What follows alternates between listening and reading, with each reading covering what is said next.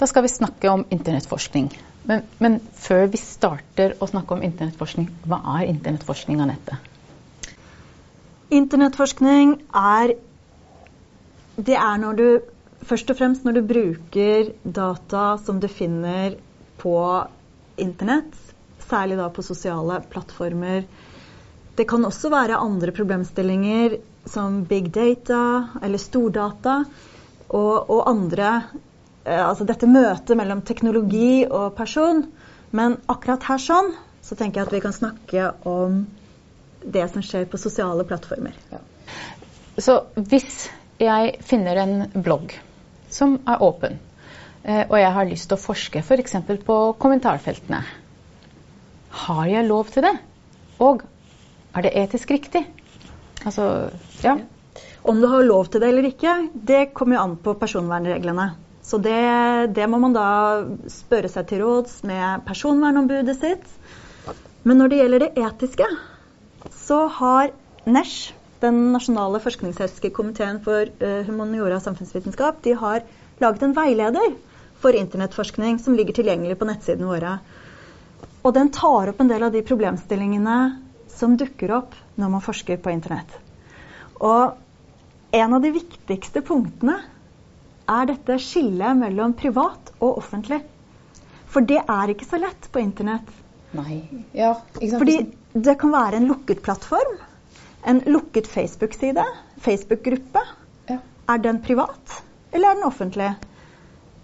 Den informasjonen du gir, selv på en side som er offentlig, så kan den som legger ut informasjon, kan oppfatte dette som en lukket side, og legger da kanskje ut informasjon som den personen selv mener er privat. Er det da greit å forske på det? Ja, ikke sant. Men også tenker jeg, hvis jeg som privatperson kommenterer en blogg, så vet ikke du om jeg er meg, eller om jeg er 12 år, eller om jeg er 90 eh, år.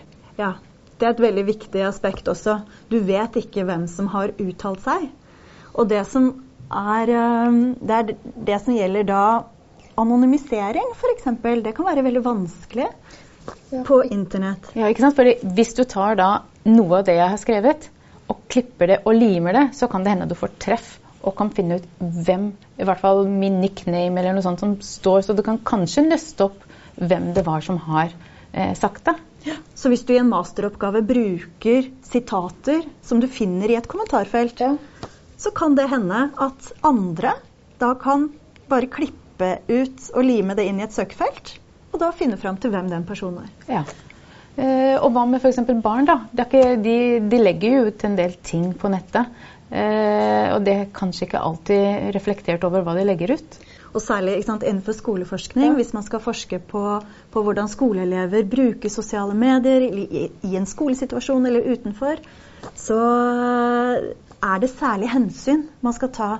Igjen, det er dette aspektet med menneskeverd som er veldig viktig i forskningsetikken. Du må vise respekt for de forskningsdeltakerne, og særlig da barn som er i en kanskje vanskelig situasjon. De skjønner kanskje ikke helt konsekvensen av det de legger ut. Ja. Så, så, egentlig, da, hvis vi, hvis vi skal oppsummere, så er det slik at hvis vi bestemmer oss for å forske på noe som ligger på nettet, ligger åpent, så må vi egentlig være bevisste før vi begynner å forske. Ja, det er ikke slik at man ikke skal forske. Man kan forske på det som ligger på internett, men vær bevisst. Ja.